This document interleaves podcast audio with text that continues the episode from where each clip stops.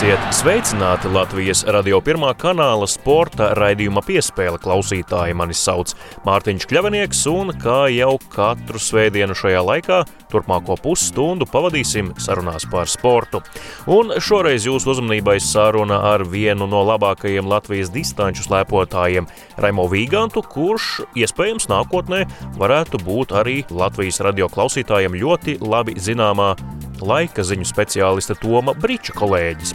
Savukārt vēl sarunāsimies arī ar skriešanas treneri un arī skrējēju Anitu Siliņu, labāk zināmu kā Anitu Kažemāku, par to, kā ārkārtas situācija ietekmē trenerus, kuri ikdienā nestrādā kādā no sporta skolām vai netrenē profesionāļus. Ar Anitu sarunāsimies arī par to, kādi ir viņas pašas sportiskie mērķi nākamajam gadam, kā arī par ķermeņa pielāgošanos fiziskai slodzei pēc dzemdībām. Raidījuma ievadā gan vispirms sarunāsimies ar Latvijas basketbola līgu direktoru Kristapu Janičenoku, bet tas jau pēc pavisam īsa brīža.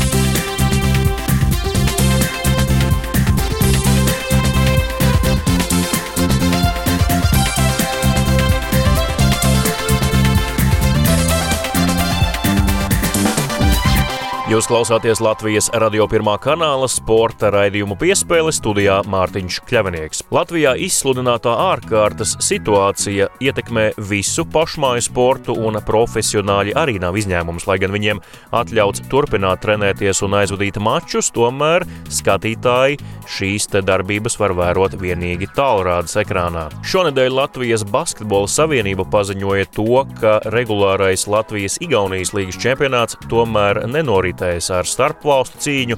Tā vietā Latvijas komandas spēlēs tikai savā starpā un Igaunu klubi savā. Pagaidām nav skaidrs, kāds būs izslēgšanas maču formāts un kā tad galu galā tiks noskaidrots Latvijas-Igaunijas basketbola līgas čempions. Par to, kā tas īsti varētu notikt, vaicāju Latvijas basketbola līgu direktoram Kristapam Janičenokam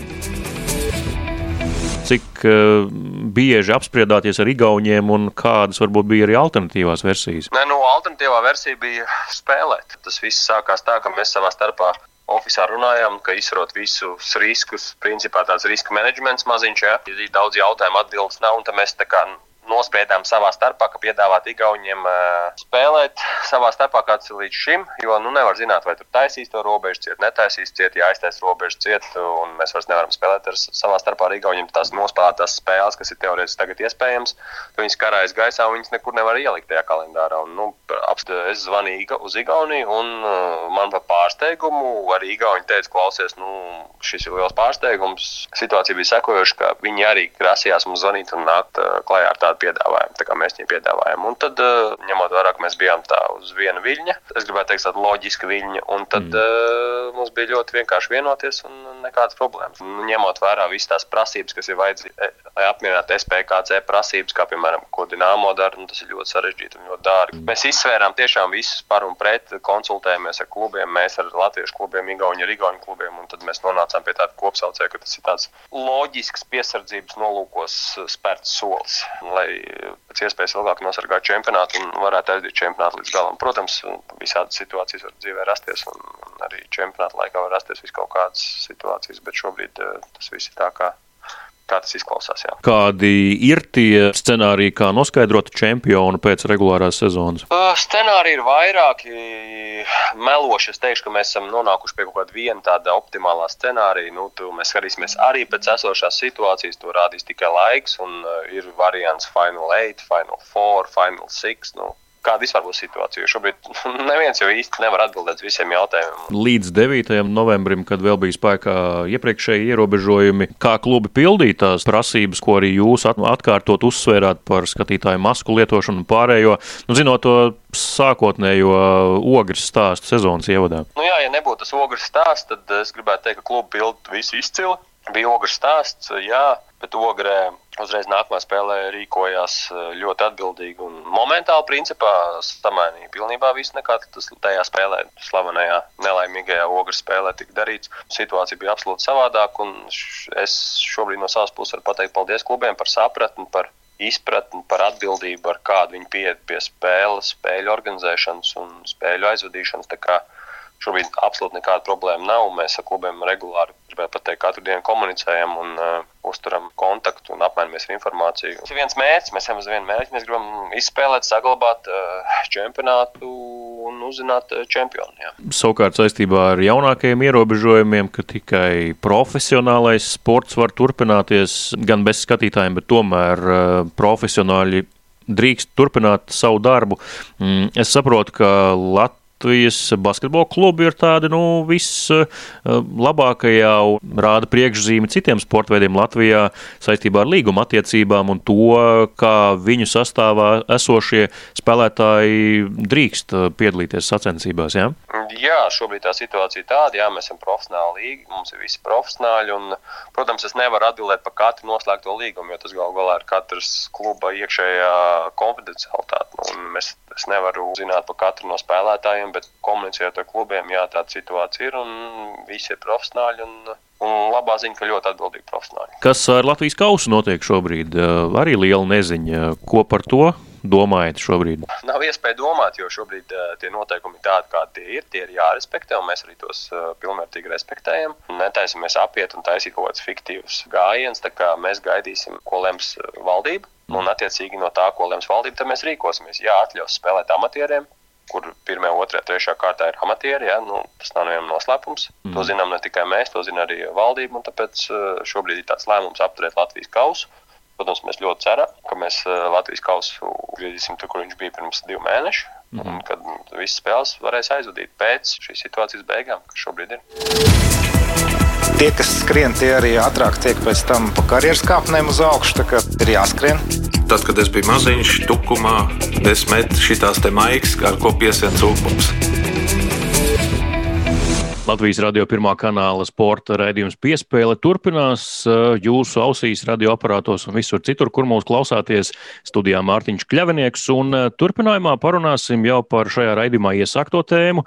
Ja Kristaps Janičēnoks, Latvijas basketbola līgu direktors, mums raidījuma ievadā pastāstīja, kādi ir plāni vispār attiecībā par uh, tuvāko nākotni saistībā ar Latvijas basketbola līgām, kā izspēlēt vispār kausu un kā, lai čempionāts rit un tur vismaz profesionāli profesionāļi ar saviem treniņiem ir tikuši skaidrībā, kā to organizēt un kādi priekšnoteikumi nepieciešami. Bet, eh, piemēram, eh, skrējējiem, kuri bieži vien paši organizējas, vai ir kāds viens treneris, kurš organizē grupu, iespējams, ka šobrīd ir sarežģītāk. Un tieši tāpēc par eh, skriešanas treniņiem un to, kā tos šajā dīvainajā un neierastajā pasaulē laikā organizēt un rīkot, sarunāsimies ar skrējēju un arī skriešanas treneri Anitu Siliņu, bet labāk varbūt zināma kā kažemāk viņa tomēr ir.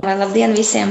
Ja mēs jautājam par šo posmu, kā tad uh, viņš ir sācies, vai kā viņš ir ietekmējis visus skrējējus, arī treneru darbu, kā tas ir ietekmējis. Ietekmē ļoti liela, tas ir izmainījis manuprāt, visos sporta veidos viņš ir izmainījis ierasto rutīnu, ierastos, ierasto treniņu procesu, sava veida sadarbību audzēknim ar treneri. Ja skatāmies no manas puses, izpalika šis koptreniņu process.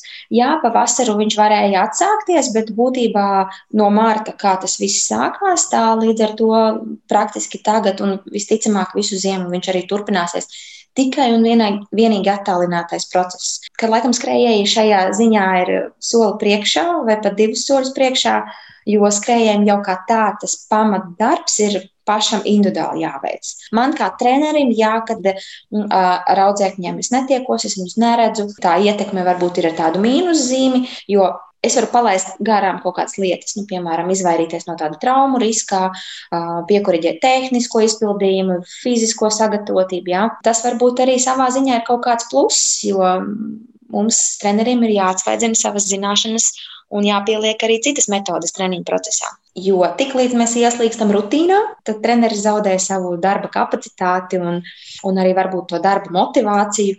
Tam radošumam ir jābūt visu laiku, neatkarīgi no tā, vai ir Covid krīze vai nav Covid krīze. Tad es palīdzu cilvēkam sagatavoties savam pirmajam 5 km skrējienam, savam pirmajam 10 km skrējienam, tāpat arī maratonam un pusmaratonam. Arī, protams, palīdzu triatlonistiem, arī soļotāji, jā, jo manas sporta gaitas sākās ar soļošanu, kas ir ļoti neatsverama sastāvdaļa manas ikdienas. Es palīdzu cilvēkiem trenēties, pareizi, gan attiecīgi, gan fiziski, gan arī emocionālo fonu sakārtot, jo trenerim ir jābūt ne tikai trenerim, bet arī uh, psihologam, uzticamam draugam. Manuprāt, visi to izmantoja, ir šī attēlinātā pieeja. Attālināti konsultēt, attālināti sazināties, attālināti vadīt arī online treniņus. Es to pielietoju, un manuprāt, ļoti labu, labs veids, un, un tas ap, apliecina to, ka Nevienmēr ir jābūt klātienē, protams, kvalitāte. Kvalitātes ziņā viennozīmīgi klātienē būs produktīvāk, gan varbūt treniņš, gan arī varbūt tā saruna. Ja? Bet, manuprāt, cilvēki arī šim var pielāgoties, un arī tā attālinātā pieeja strādā. Jo galvenais šajā visā ir nevis padoties un sēdēt mājās un nedarīt neko, bet, ja ir šī attālinātā pieeja, un ja mēs viņu varam, un cilvēks ir motivēts arī darboties attālināti, tad Es to pielietoju, un nevienam par to nav jākautrējās. Tādā veidā var arī sevi nodrošināt arī finansiāli. Tas viss ievēlkās, manuprāt, divreiz garāk. Tas apmācības process ir nu, divreiz vai pat trīsreiz garāks. Klātienē tas uzreiz ir ļoti īsi, konkrēti, un, un izpaliek varbūt kaut kādi tādi nu, domstarpības sarežģījumi vai neskaidrības. Jā, nu gal galā personālā komunikācija vienmēr ir efektīvāka nekā ar Pilnībā. starpniekiem, vai starpnieks ir cilvēks vai ierīcis, nu, nav nozīme. Vai uh, tu savā ikdienā, kā treneris, arī redzi, ka varbūt vēlētos aktualizēt jautājumu par uh, trenera kā tāda Latvijā atalgojuma tādas sistēmas pilnveidi. Tur arī izgaismojas kaut kādas zonas vai segmenti, kurus vajadzētu sakārtot? Nu, es domāju, noteikti tie, kas strādā sporta skolās, kā sporta skolas treneri vai skolās, kā sporta skolotāji, šajā procesā nenotiek šis treniņu process. Viņš ir aizliegts, protams, neatcerot to augsto sasniegumu sports, bet tā ir tik ļoti maza, maza daļa no visa sporta, kas ir Latvijā. Jā, jo, jo mēs taču zinām, ka lielāko sporta procentu veido tautas sports milzīgu procentu. Un tas ir forši, ka cilvēki sporto un rūpēs par savu veselību un savu fizisko labsajūtu.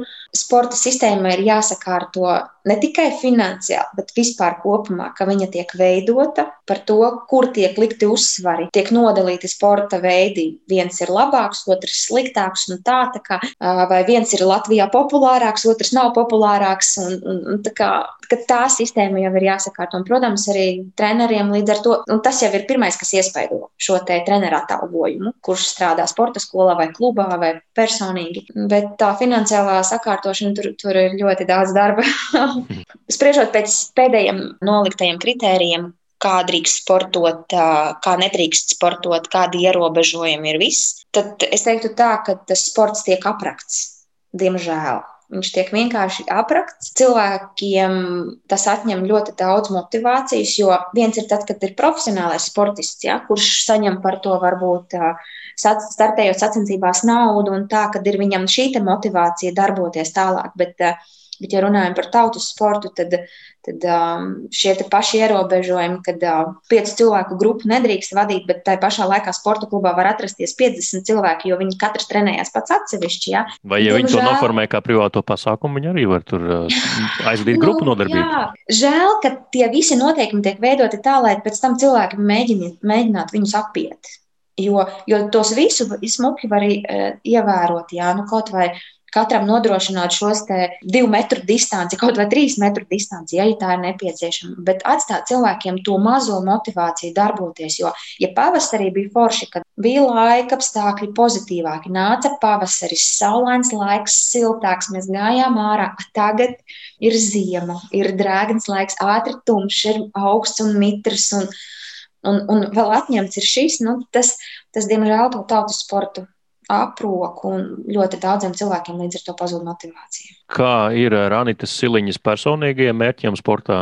Tu vēl uz, tiecies uz kaut ko, vai, vai tas 2016. gads ir pārāk rūkts tev, lai tu kaut ko mēģinātu? 2016. gads, jā, viņš ir ar rūktu piegaršu, bet uh, viņš ir ļoti daudz ko dzīvē man uh, pamainījis, domāšanā, uh, uztverē, rīcībā. Mani mērķi joprojām, protams, uh, ir skriet, mērķi skriet ātri. Organismam jāatkopjas no cita maratona, kas man bija nu pat aiz muguras, ja, un tad uh, atkopšos no no šī maratona un gatavošos uh, savam nākošajam maratonam. Es, protams, ļoti gribētu, lai man tas maratons būtu jau pirmais maratons, ko es skrietu 2021. gadā. Tas ir mans mērķis.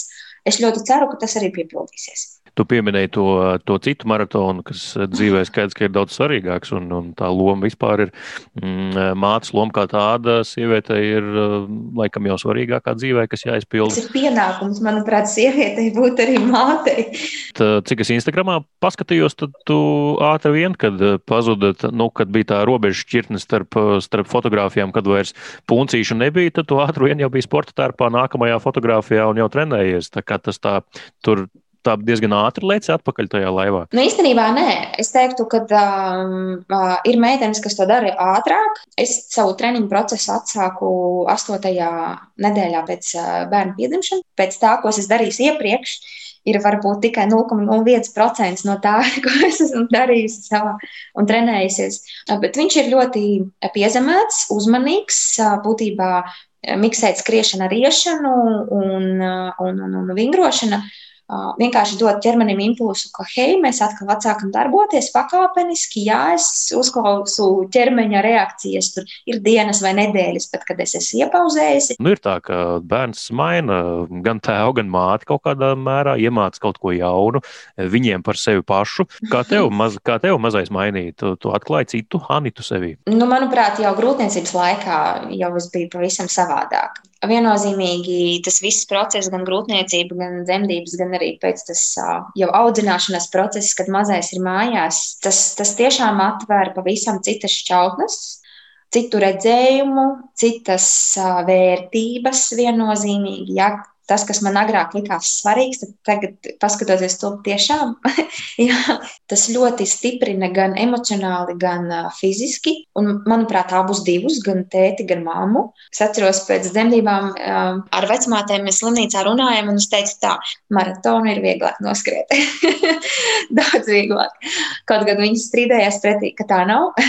Tāda lūk saruna ar um, skrējēju un arī skriešanas treneri Anitu Siliņu šeit Latvijas radio sporta raidījumā piespēle. Paldies, Anita, ka arī mm, starp mm, saviem ģimenes mm, tomēr notikumiem un pienākumiem atradi laiku parunāties ar Latvijas radio un arī pastāstīt, kā tad skrēja treneri dzīvo, strādā un darbojās šajā pasaulē neierastajā laikā. Un prieks, ka arī savus sportiskos mērķus tu neesi metusi kaut kur pavisam tālu prom. Tie tie ir tepat līdzās, un cerams, ka tas 2021. gads būs maratoniem piesātināts. Ceram uz to. Paldies par sarunu, paldies par atklātību un arī brīnišķīgo izklāstu dažādās detaļās, gan par skriešanu, gan par uh, savu pieredzi citās uh, dzīves šķautnēs. Jā, paldies par sarunu. Maratonā, kad tu skrieni distances laikā, ja kāds tev uzmundrina un nosauc tavu vārdu, tu to dzirdi. Pirmā uzvara bija tad, kad es biju pionieru nometnē. Tas bija 66. gadā, es vinnēju bumbiņu mešanu. Latvijas radio pirmā kanāla sporta raidījums piespēle turpinās, un tā vadītāja krēslā šonadēļ es Mārtiņš Kļavnieks, un turpinājumā parunāsim par, um, nu, ziemai atbilstošu sporta veidu, jo slēpošana ir klasisks ziemas sporta veids. Ar slēpošanu Latvijā nodarbojas daudzi, gan ar kalnu slēpošanu, gan ar distanču slēpošanu. Um, amatieru līmenī esam jau Latvijas radio ēterā sprieduši, vai tik tas nevarētu būt masveidīgākais un populārākais ziemas sporta veids vispār. Mūsu valstī, bet tas jau, lai statistiķu un citu atbildīgu lēmēju kompetencē noteikti to ir tā vai nav. Bet šajā raidījumā uzmanības centrā viens no Latvijas labākajiem slēpotājiem - Raimo Vīgans. Sveiks, Raimo! Sveiki. Mēs ar tevi sazināmies raidījumā piespēle attālināti. Saki, kā ir, vai, vai attālinātā saziņa jau tagad ir tāda tava nu, ikdienas rutīna, jo cik es saprotu, arī studijas taču šobrīd ir attālināti, vai ne? Jā, gan uh, studijas, gan arī uh, cita veida sarunas man uh, notiek visas attālināti savā ziņā starp treniņiem, un arī vakaros uh, daudz laika pavadu pie uh, datora tieši jā. Jā, varbūt sākumā sarunas ievadu arī parunāsim par tavu akadēmisko ceļu pretim augstākajai izglītībai. Mm, proti, Latvijas universitāte precizē man, ja kļūdos, geogrāfijas un vidas zinātņu fakultāte. Tā to pareizi sauc, ja? Nē, tikai geogrāfijas fakultāte. Ir videzinātņu nodaļa. Jā, es esmu videzinātņu nodaļā. Respektīvi, radioklausītājiem vislabākā asociācija būtu Toms Brīsis, jo viņš arī ir studējis geogrāfos. Nu, jā, es varbūt viņam topošais kaut kāds kolēģis. jā, mana sfēra būs vides zinātnes, un, un zem tās tālāk jā, būšu spējīgs strādāt gan uh, vidas aizsardzības birojā, un lokus, kuras varēšu strādāt, uh, sfēra ir ļoti plaša. Tā kā tom, ja tu klausies, pagaidām vēl vari gulēt droši un mierīgi. Bet kāpēc tā? Tu mm, jau no mm, laika gala biji tāds dabas bērns, kuram patika visu pētīt, apskatīt, līdzīgi kā Toms ir stāstījis. Toms Brīsis, ka viņš tāds tieši arī bija un, un izzināt pasauli, kā veidojas procesi. Tāpēc aizgāju tur studēt. Jā, savā ziņā no laika gala, jā, es daudz pats pavadīju laiku pie dabas, jā, bērnībā man liekas, ka esmu ķēris visu, kas kustās, un, un, un taisījis tāpat uh, dambjus uz upītēm un upēm. Tavai paudzei tas tā neraksturīgi. Daudziem bērnības atmiņas tomēr saistīts ar ko, nu, ja ne gluži daudz digitālāku, tad tomēr iekšpusē darītu telpās. Bērnības sākumā jā, es arī dzīvoju pilsētā, bet pēc tam mēs pārcēlāmies uz uh, lauku reģionu. Privātā māja iekop diezgan dziļos laukos, kā teikt, jāsaka. Un, tad, jā, man hobijs arī ir uh, makšķerēšana, tad uh, tevs man to hobiju ir. Uh, no viņas viņu esmu pārmantojis, un tad uh, daudz laika sanāca gan pavadīt pie dabas, braucot arī bērnībā tēvam līdzi makšķerēt, gan um, šobrīd uh, vienam pašam vairāk uh, braucot makšķerēt. Kas tās zivis tīra mamma? Nē, nē, nē. Ir noteikums ir vienkārši, kas noķer, tas arī tīra.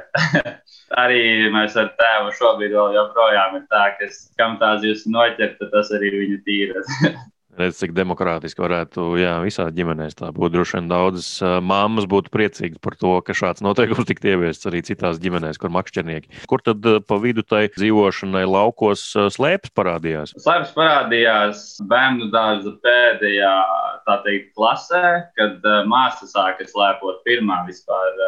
Es tā kā mani paņēma līdzi vienā treniņā, un nu, tāpat intereses pēc Jā, nu tad eh, par to slēpošanu arī parunāsim. Protams, šis ir sporta raidījums, piespēle, tieši tāpēc arī par sportisko jārunā. Slēpošana un eh, Raimo Vīgants šobrīd jau tie ir tādi jēdzieni, ko var savienot kopā un definēt kā visaugstāko līmeni, droši vien jau arī pasaulē, jo tomēr eh, mērķēt uz Tour de Ski, tas tomēr nozīmē, ka tu esi viens no pasaulē labākajiem. Tā to var klasificēt. Varbūt klasificēt īsti nevar, ka es esmu vēl viens no labākajiem, bet tāds ir mērķis. Lai būtu tajā pasaules līmeņa apritē, tev kaut kādā brīdī ir jāsāk startēt viņā. Un, ja, piemēram, pagājušajā gadā es braucu Norvēģijas uh, sacensības, un es pats vēl īsti negribēju būt pasaules līmeņa apritē, jo pats jūtu, ka uh, man ir vēl kur aut, tad nu, šobrīd jau uh, saistībā ar Olimpiskajām spēlēm un visu šajā apritē jāslēdzas iekšā, lai šo līmeni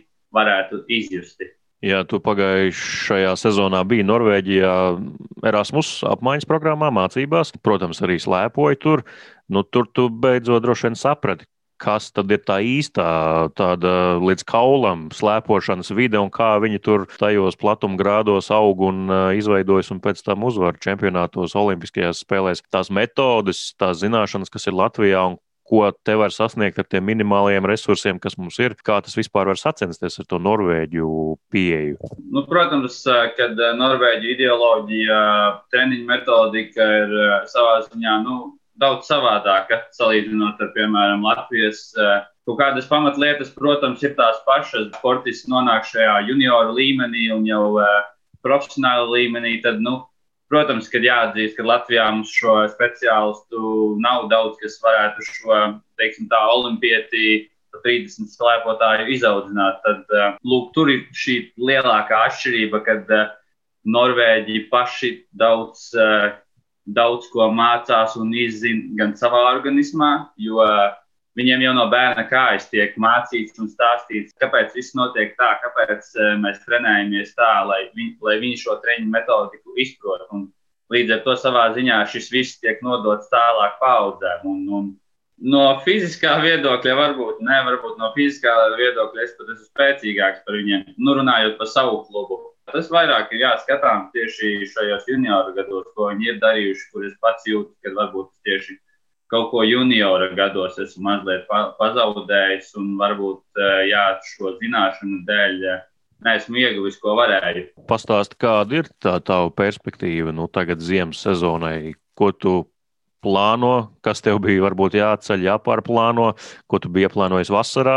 Kāda izskatās tā tā tuvāko mēnešu nākotne saistībā ar slēpošanu? Šobrīd tiešām uh, ir grūti kaut ko plānot jau pat uh, nedēļu uz priekšu, bet um, šobrīd plāns ir uh, nākamo trešdienu, tas ir 18. novembrī, doties uz Norvēģiju. Nākamās nedēļas nogalē ir plānots Norvēģijas čempionāts. Gan pat šīs sacensības ir uz jautājumu zīmes, vai viņas netiks atceltas. Arī vēl jautājums, vai, ir, vai mani pašu pielaidīs uz starta, jo uh, savā ziņā esmu ārzemnieks un uh, Norvēģi ļoti šobrīd sargā pašu sportistu veselību.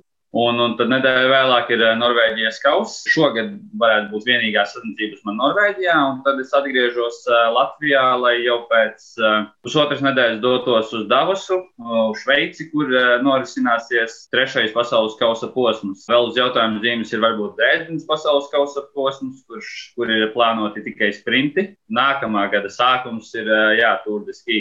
Jā, nu, turam īkšķis, lai, lai viss notiek, un kā ieplānots, tā arī tas ir. Skaidrs, ka tas lielais mērķis, ko tu šobrīd redzi, tādā tālākā slēpojumā, teiksim tā, nevis skrejienā, ir uh, Pekinas Olimpiāde jau 2022. gada uh, pašā, pašā sākumā, kas uh, Raimo Vigantam, nu tā, tagad saliekot pa pakāpieniņiem, ir jāizdara, lai tur būtu. Jāizvada labā ziemas sezona. Tik vienkārši. Jā, tas arī tas, kas ir šobrīd vajadzīgs. Ir vajadzīgas pirmkārt sacensības, jo nu, bez sacensībām ir grūti aizvadīt labu sezonu kā tā. Jo nu, galvenās sezonas sacensības ir nākamā gada sākumā, tas ir janvāra vidus, pat februāra vidum. Jā, līdz tam mums vajag savākt pietiekami daudz sacensību, lai šī sacensību šī gada pieredze un lai varētu notikt šīs sacensību sajūtas, jo tās ir pavisam savādākas. Tas viens jautājums, kas man pirms šīs intervijas uh, ienāca prātā, kas droši vien ar tevi sarunājoties daudziem ir ienācis prātā, iespējams, daudzi žurnālisti tev to arī ir uzdevuši. Nu, ja reiz tu esi tik ļoti labs slēpotājs, vai nav bijis kāds uh, padomdevējs no malas, kurš ir teicis, Raimo, uzliec plinti plecos, un tad tev viss aizies? Protams, uh, piedāvājumi ir bijuši, un ir bijuši arī ļoti kārdinoši piedāvājumi, bet uh, tomēr esmu šobrīd izšķīries uh, par distanču slēpošanu. Jā, Bietlāns ir ļoti specifisks. Ja nemaldos, 2016. gadā es pat uh, aizvadīju divas treniņu nometnes kopā ar uh, Latvijas Bietlāna izlasi šāvu, un, un uh, pat uh, pie slodzes esmu izšāvis uh, tā teikt to nulli ko te uzliek uz paplātes un sola. Tā, ja tu nāks pie mums, dabūsi to, to un to. Bet, jā, Bietlāns ir uh, piedāvājis vilnošs piedāvājums, jā, slēpts servis, uh, nometnes, viss atmaksāts, arī algu piedāvāja. Un, un tas tiešām priekš Latvijas sportista, tas, domāju, ir eh, ļoti neslikts piedāvājums. Tāda lūk saruna ar eh, Latvijas distanču slēpotāju Raimo Vīgantu, Latvijas radio pirmā kanāla sporta raidījumā piespēlē. Paldies par sarunu, Raimo teikšu, un, eh, nu, kā saka, vidas aizsardzības un reģionālās attīstības ministrs ir atkāpies no amata, gaidām jaunu, un tad jau iespējams, ka drīz vien ministrijā vajadzēs arī papildus spēkus, ka tu savu diplomu iegūsi. Tā kā, kas zina, varbūt ieraudzīsim tevi tur. Lai izdodas uh, gan uh, absolvēt augstskolu, iegūt uh, augstāko izglītību un arī sasniegt mērķus slēpošanā. Un, kāpt pietiekami augstu dažādās sacensībās pa rezultātu latiņām, un tā lai Latvijai prieks. Jā, paldies jums!